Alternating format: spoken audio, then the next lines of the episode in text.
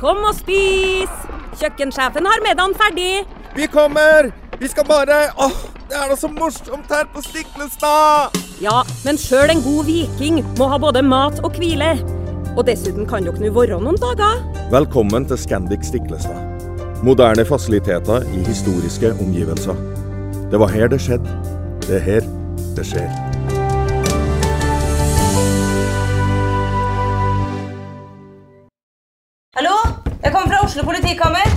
Ine Jansen er purk. Er du purk? The motherfucking bitch. Alt jeg vil, er å finne ut hva som skjedde med mannen min. Jon Carew. Er jeg sikta for noe? Iben Akeli. Det er du.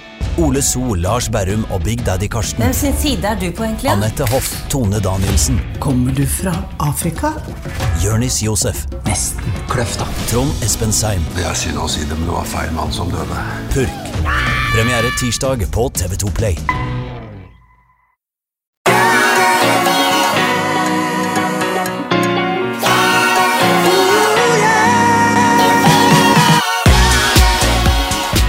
Til podkasten Hjernesterk. Det er jo litt sånn forskjellige ting i media som er interessant å følge med på. Vi følger jo litt med på det, Ole Petter, og, og finner stadig saker som er verdt å snakke om. Det er jo tabloid å snakke om ting som er i, i nyhetene. og eh, for et par dager siden så satt jeg og så på NRK med min datter, som er tolv år gammel, og da var tema megareksi. Altså gutter, eh, gjerne unge gutter, som da et, eh, er besatt dette å bygge muskler, eh, og som får et da tvangspreget forhold til fysisk trening, kosthold og egen eh, kropp. Fordi at eh, de lar seg Altså, de har ikke samvittighet til å ikke trene, for de har dette prosjektet som blir sånn eh, altoppslukende eh, for egen del. Dette med at man skal bygge muskler, det er gjerne bundet i litt dårlig selvfølelse. Eh, og så blir de gjerne også inspirert av eh, folk på sosiale medier. Eh, TikTokere, som var eksempelet der. Eh, Menn med store muskler som da legger ut eh, innsatsen sin på sosiale medier. Eh, Jeg vet ikke hvilke forhold du har til megareksi, Ole Petter?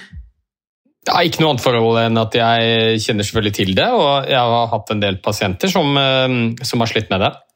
Jeg har eh, også kjent som muskeldysmorfi. altså Det er en sånn eh, kroppsforstyrrelsestilstand hvor man har et sterkt og intenst ønske om å bli muskuløs, og ikke minst få veldig definerte muskler.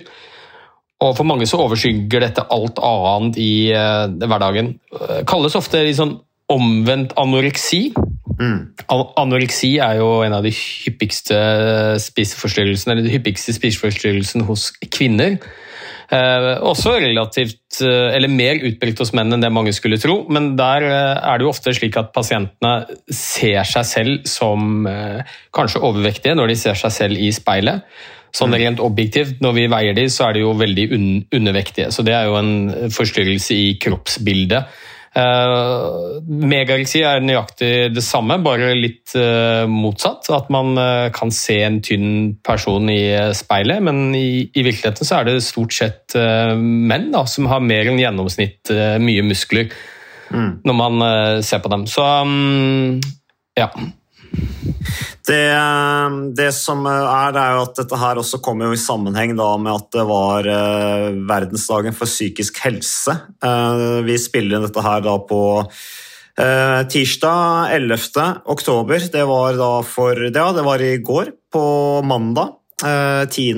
oktober så var verdensdagen for psykisk helse, og dette her at eh, også spiseforstyrrelser er eh, ja, Påstanden er at det blir stadig mer vanlig blant eh, unge gutter, eh, og at eh, sosiale medier er en kilde til det. Vi har jo vært litt inne på sosiale medier tidligere. Du har jo skrevet en bok som jeg nylig har lest ferdig, Ole Petter, 'Det digitale dopet', som er veldig bra, hvor du er ganske tydelig på at sosiale medier har en del negative effekter.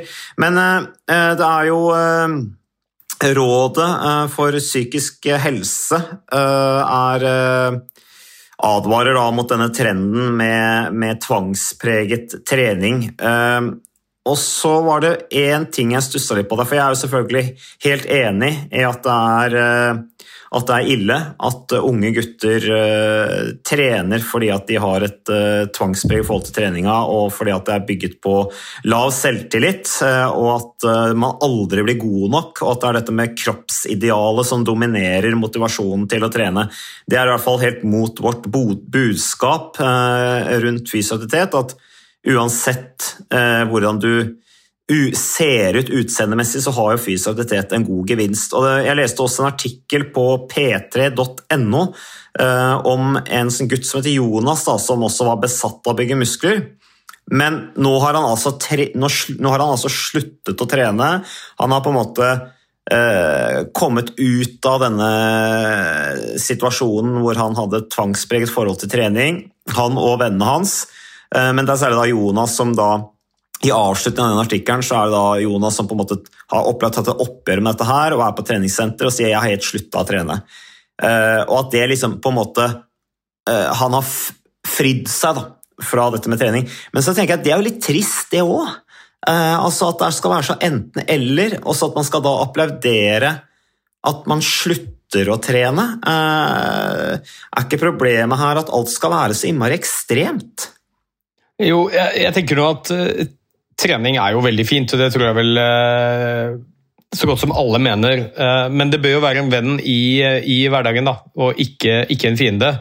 Og det er klart Når det blir eh, helt ekstremt, sånn som mange av disse mennene med megareksi opplever, de har jo en sånn overdreven følelse av å ikke være muskuløse nok, godt nok trente. Og det overskygger for veldig mange alt annet i hverdagen. Det går utover skole, det går utover jobb, det går utover sosiale relasjoner.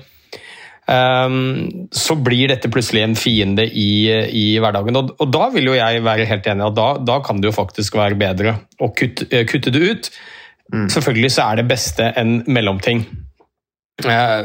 Men jeg tror det er litt nyttig å være litt oppmerksom på dette, for det er nok kanskje mer utbredt enn det mange skulle tro.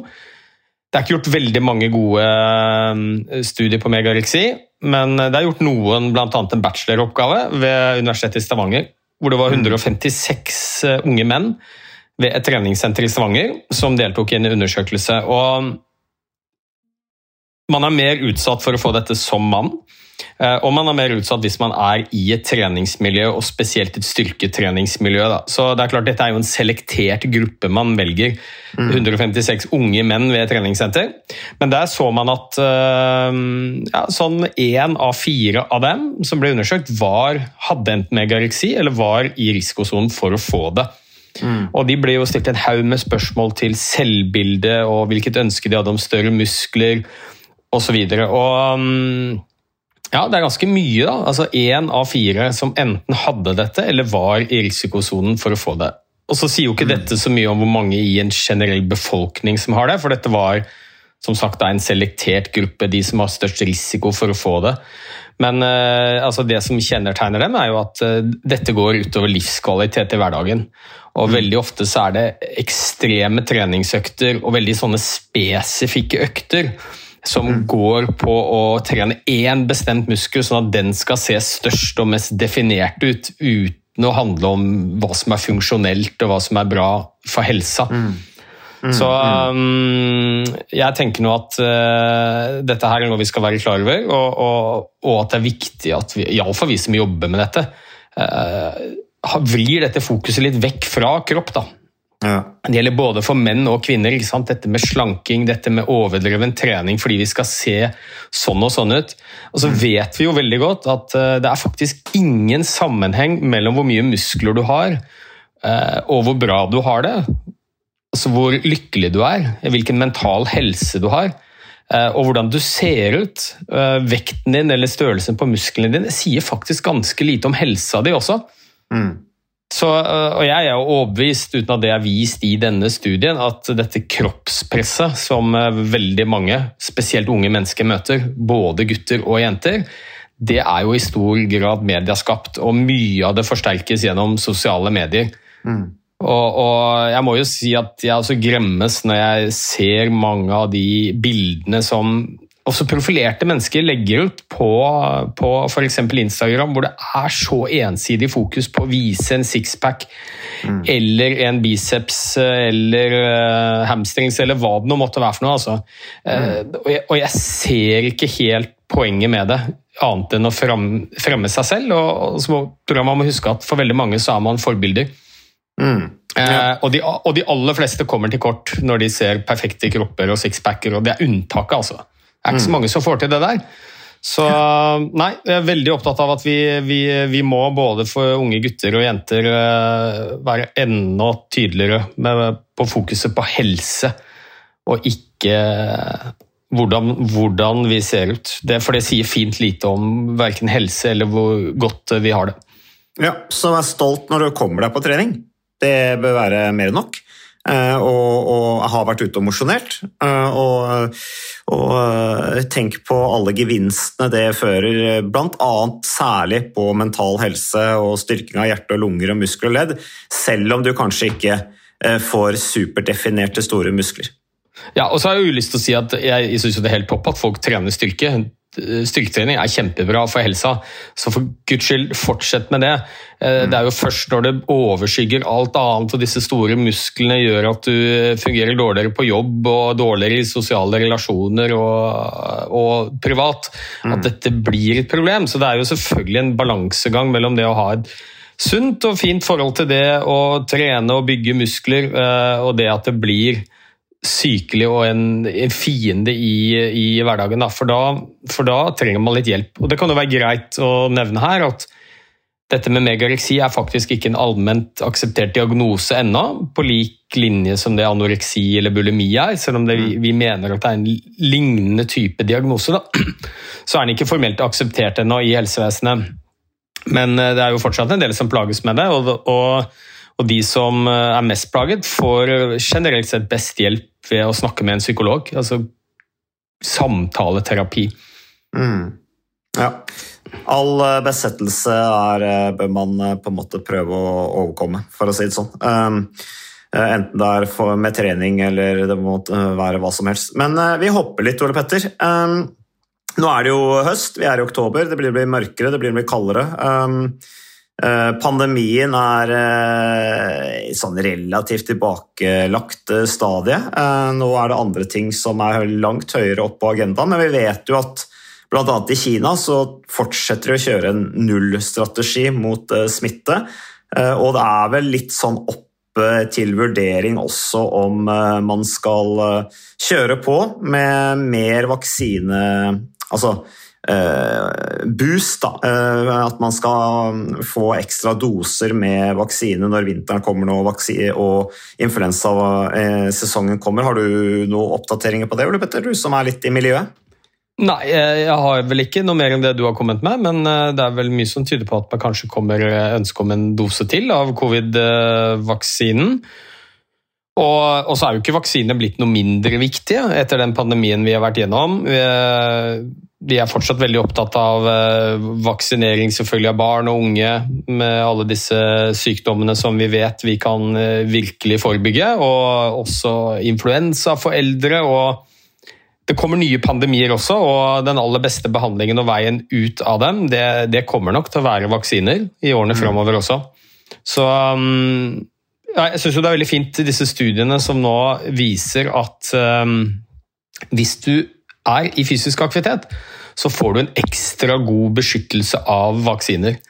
Altså rett og slett at uh, De som er fysisk aktive, de kan lage inntil 50% flere antistoffer. Altså betydelig bedre immunforsvar mm. etter en vaksinedose. Uh, og at vaksinene er mer effektive når de settes i en periode med trening Eh, så, og her er det jo en haug med gevinster da, som vi har snakket nesten ingenting om under pandemien.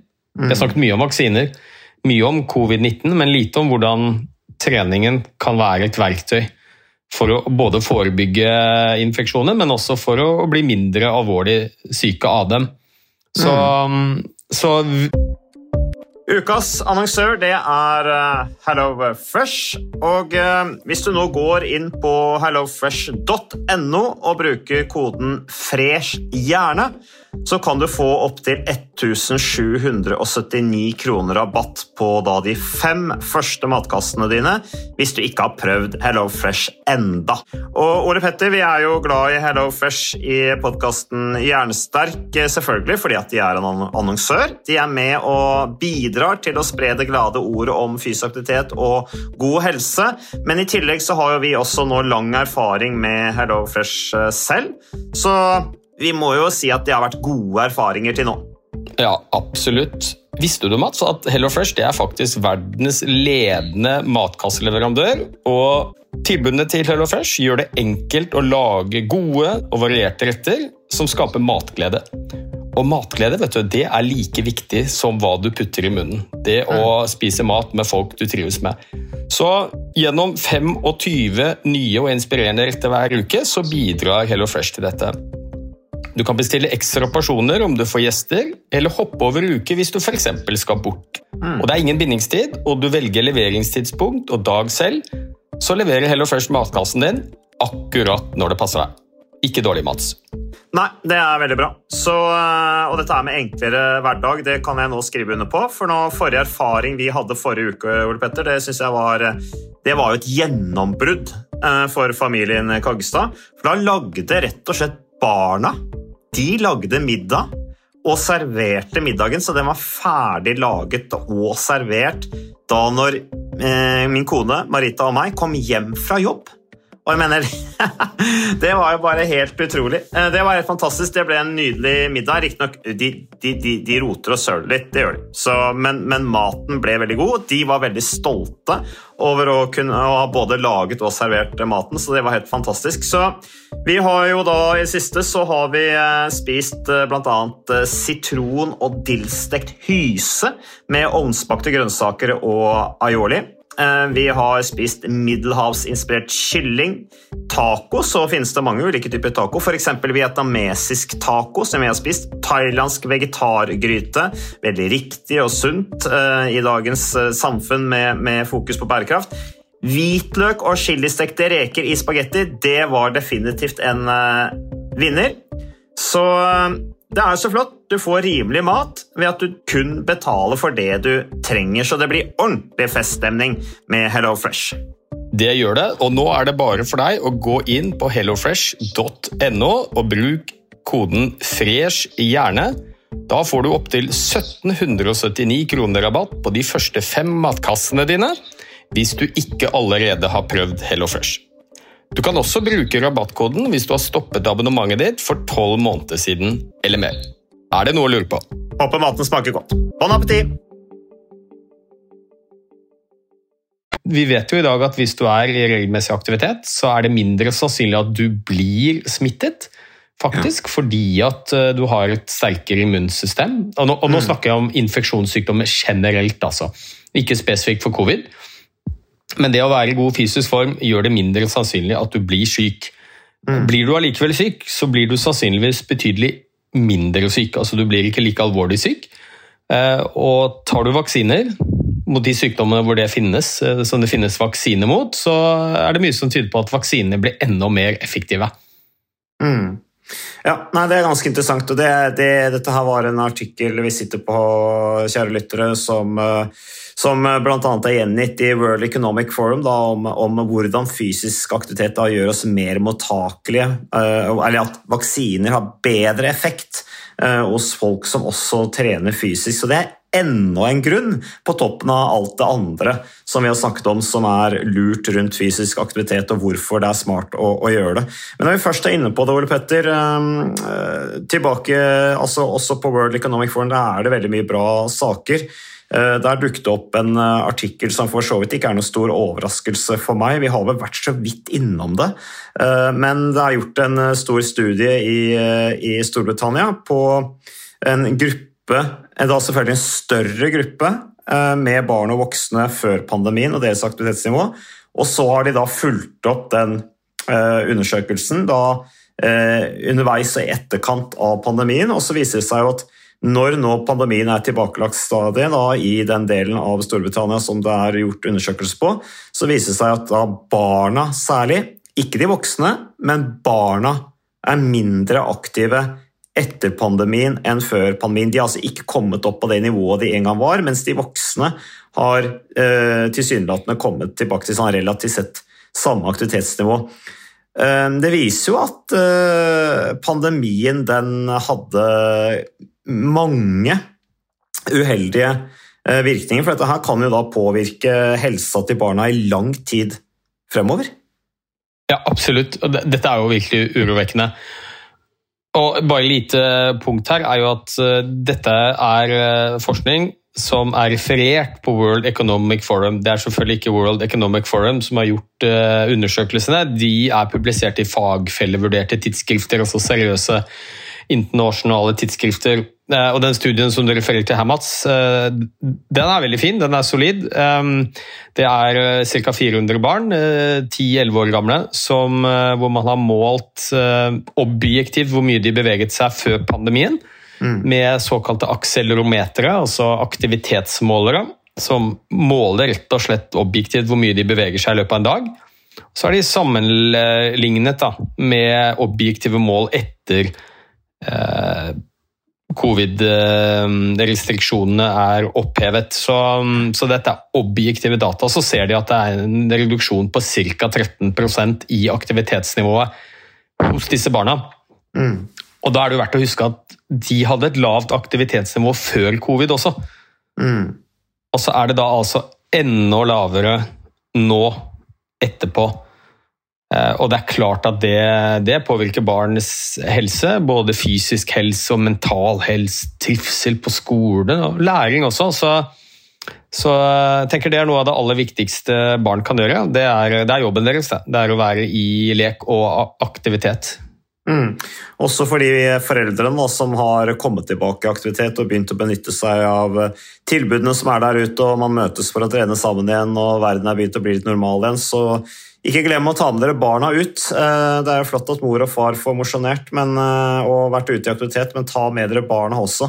Eh, det er som du sier, Ole Petter, De trenger det særlig. og Den undersøkelsen det er snakk om her, det er da aldersgruppen 10-11 år. Og deres barn og deres foreldre da, som er, er vært gjenstand for den undersøkelsen her. Så så det er litt skummelt. Um, vi er på en måte ikke helt ferdig med pandemien. Den, den, den river og sliter litt i folkehelsa fremdeles, helt opplagt. Ja, og det, jeg tenker det er spesielt interessant med tanke på eventuelt nye pandemier som kommer, at vi høster noen erfaringer og lærer av de, de tingene vi har gjort i den pandemien som har vært. Både det som har fungert godt, og det som kanskje ikke har fungert så godt. Så, dette er jo noe vi snakket mye om under pandemien, hvor bekymret vi var for disse restriksjonene. Både du og jeg sa jo det flere ganger, at vi var mer bekymret kanskje for restriksjonene, hva det gjør med helsa vår, enn selve viruset. Mm. Og, og, akkurat dette her, eh, at barns aktivitetsnivå forblir lavt eh, såpass lenge etter pandemien er ferdig også, tenker jeg det, det er jo grunn til bekymring. Mm. Og så vet man ikke helt hvorfor det er sånn, og det forskes det videre på.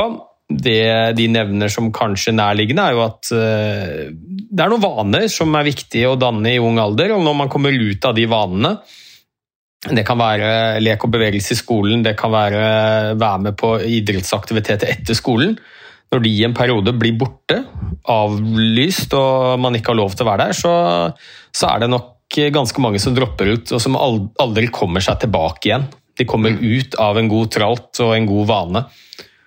Så, så jeg tenker dette er nyttig informasjon å ta med seg. Eh, kommer det nye pandemier og hvilke restriksjoner man skal ilegge oss? Så, så i hvert fall jeg, jeg ville vært veldig tilbakeholden hvis jeg var politiker med å, å legge føringer og restriksjoner på barns mulighet til å bevege seg og være i lek og aktivitet.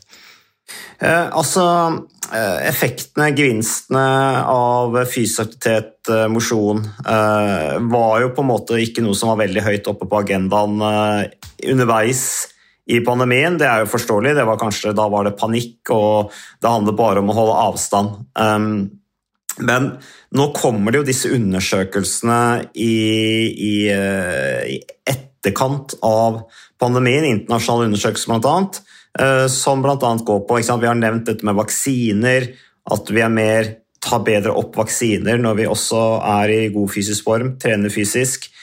dette med de negative ringvirkningene av som vi har vært inne på her nå, med barn som kommer ut av vanene sine, slutter å være med på, på fritidsaktiviteter, er mindre fysisk aktive.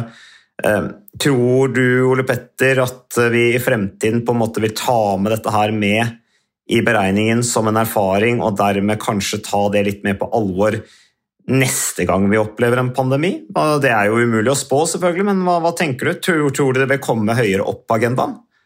Jeg håper og tror det. Dette er jo en pandemi sånn som vi har hatt nå. er det jo ingen av oss som lever i dag, med mindre vi er nesten 100 år gamle, eh, som har opplevd tidligere, eller er 100 år gamle. Det var vel i 1918 kanskje, forrige pandemi på størrelse med dette var. Sånn at uh, dette er jo ikke noe vi har hatt noe erfaring med i moderne tid. Og jeg håper jo, tror jo, at dette er en av forsene til vitenskapen, når vi er gode på å dokumentere utfall av forskjellige altså Det har vi jo vært ganske gode på. Vi har ilagt noen restriksjoner, og så har vi forsket og sett på hva, hvordan påvirker dette oss uh, på sikt. Uh, og når alle de resultatene kommer, så vil det overraske meg stort om vi ikke tok, uh, tok litt, litt, mer høyde for det neste gang. At vi rett og slett lærer av det. Og det er jo, tenker jeg, vitenskapens styrke. Mm. Ja. At, at, disse funnene gjør at vi endrer atferd og, og ja, måten vi forholder oss til lignende situasjoner på da, i, i framtiden. Samtidig så er det ikke så lett å vite, altså, for når det brenner på dass og Det er jo litt det som uh, vi ble tatt litt på senga alle sammen av denne pandemien. Så går all energi med til brannslukking og veldig lite til å tenke kanskje langsiktig og konsekvenser av de handlingene man gjør. Ja, nei, for Målet må jo liksom være å, å, å, å skape en befolkning som er, har en mer robust helse i møte med neste pandemi. Dette har vi vært litt inne på tidligere også i, i, i podkasten, uh, med, med folkehelsetiltaket bl.a. i Storbritannia, fordi at de ser at det er en sammenheng med hvor hardt du blir rammet av uh, covid. og fysisk tilstand. Eh, så, så det, det, det. Men, men, hvordan man skal få det til i system, det har jeg har vel litt sånn passe, eh, passe tillit til at eh, det kommer på agendaen på den måten, som gjør at det blir satt i system. da. Og om det blir gjort tiltak for å bedre folkehelsen, også med tanke på å kunne møte fremtidige pandemier. At vi er så så framme i skoa, det, det jeg vanskelig for å se. Men vi får se. Ja, vi, får se, og det er, det er, veldig vanskelig å vite. Men jeg tenker det er ganske solid evidens nå da, på at Bortsett fra vaksiner, uh, så er kanskje noe av det aller viktigste vi kan gjøre for å forebygge alvorlig sykdom og død ved infeksjonssykdommer og pandemier, da, som helt sikkert kommer på nytt også, det er rett og slett å være i god form. Ha mm. god helse, være i god fysisk, mental form. Så, um, så, forebygger det. Det gjør at vi blir langt mindre alvorlig syke. Eh, vaksiner er det aller beste, men det er jo ikke alltid man har de klare i forkant. Eh, kommer det nye infeksjonssykdommer, så må man jo lage vaksiner, og det tar tid. Det vet vi jo mm. ved, ved covid-19. Det tok, tok, tok, sin tid før de første vaksinene kom. Det gikk ganske raskt òg, da. Ja da, det gikk unormalt raskt, men det, det, tar allikevel litt tid. Så jeg tenker noe av det aller beste vi kan gjøre for å forebygge og være klar til neste pandemi, eh, eller hva det nå måtte være for noe. Altså, eh, du står mer robust i det om det er renteøkning, eller om det er ny pandemi, eller om ja. det er en krig. Altså, ja. Eh, det er på en måte ingen som kan komme er det, er, er det, noen som har noen gode argumenter for å ikke være i god form? Nei, nei det er ikke noe argument for det, Ole Petter. Men eh, apropos, eh, jeg var litt inne på det. Eh, det var verdensdagen for psykisk helse i går. Jeg, jeg, fulgte ikke sånn veldig mye med på det. Jeg fikk det litt med meg på sosiale medier, sånn at det var litt markeringer rundt det. Men jeg tror ikke jeg så en eneste gang at fysisk aktivitet ble nevnt som et uh, godt tiltak mot uh, mentale lidelser. Eh, så jeg vet ikke, Fikk du med deg noe som ikke jeg så, eller? Nei, og jeg tenker det verdensdagen for psykisk helse er veldig fin. og Det er helt topp at dette settes på agendaen. og det er, det er et økende problem, mm. spesielt blant yngre, yngre, mennesker. Så alle tiltak vi kan ha for å gjøre dette mer naturlig å snakke om, at folk lettere tar kontakt for å få hjelp, at de blir sett, helt nydelig. Det, det er jeg veldig for. Eh, skulle jo gjerne ønske jeg også at det var litt mer snakk om gode verktøy i, eh, i hverdagen. Eh, samtaleterapi, ha noen å snakke med Helt strålende. Medisiner kan hjelpe noen, mer åpenhet hjelper. Eh, men det er veldig lite snakk om bevegelse, selv om det er godt dokumentert. Mm. Jeg har blitt intervjuet et par ganger i løpet av, denne, eller i, i løpet av dagen. Uh, uh, I diverse medier, og hvor jeg selvfølgelig Det er jo det jeg snakker mest om, så jeg, jeg, jeg har iallfall nevnt det. Men uh, jeg, har, jeg, har, ikke sett snakket om noen andre steder. Det, det, er, det, er, litt som du sier, fysisk aktivitet. Iallfall i helsevesenet. Det er fortsatt kuriosa. Det er for litt spesielt interesserte, og det er rekreasjon. Det er ikke, det er ikke noe fullverdig medisin ennå. Nei, nei, det er synd, for det er jo ganske konkret. Det er jo ganske praktisk. Eh, så, så, men vi, vi, anbefaler det. Da fikk vi snakket litt om det, i hvert fall. Det var, eh, vi er veldig glad for eh, åpenhet rundt psykisk helse. Og så, og så må vi huske på at har vi en dårlig dag, føler vi oss nedfor, føler vi oss deprimert, så hjelper det å gå ut og mosjonere litt, eh, enten alene eller sammen med noen. Så takk for, uh, takk for praten, Ole Petter. Uh, takk for deg som lyttet på podkasten Jernsterk. Takk til våre samarbeidspartnere og moderne media. Vi er tilbake med mer podkast neste uke.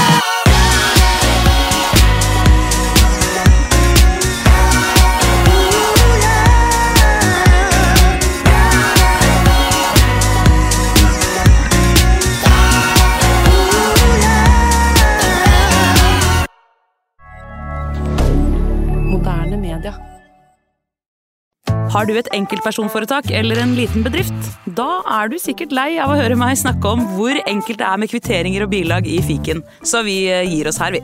Fordi vi liker enkelt. Fiken superenkelt regnskap.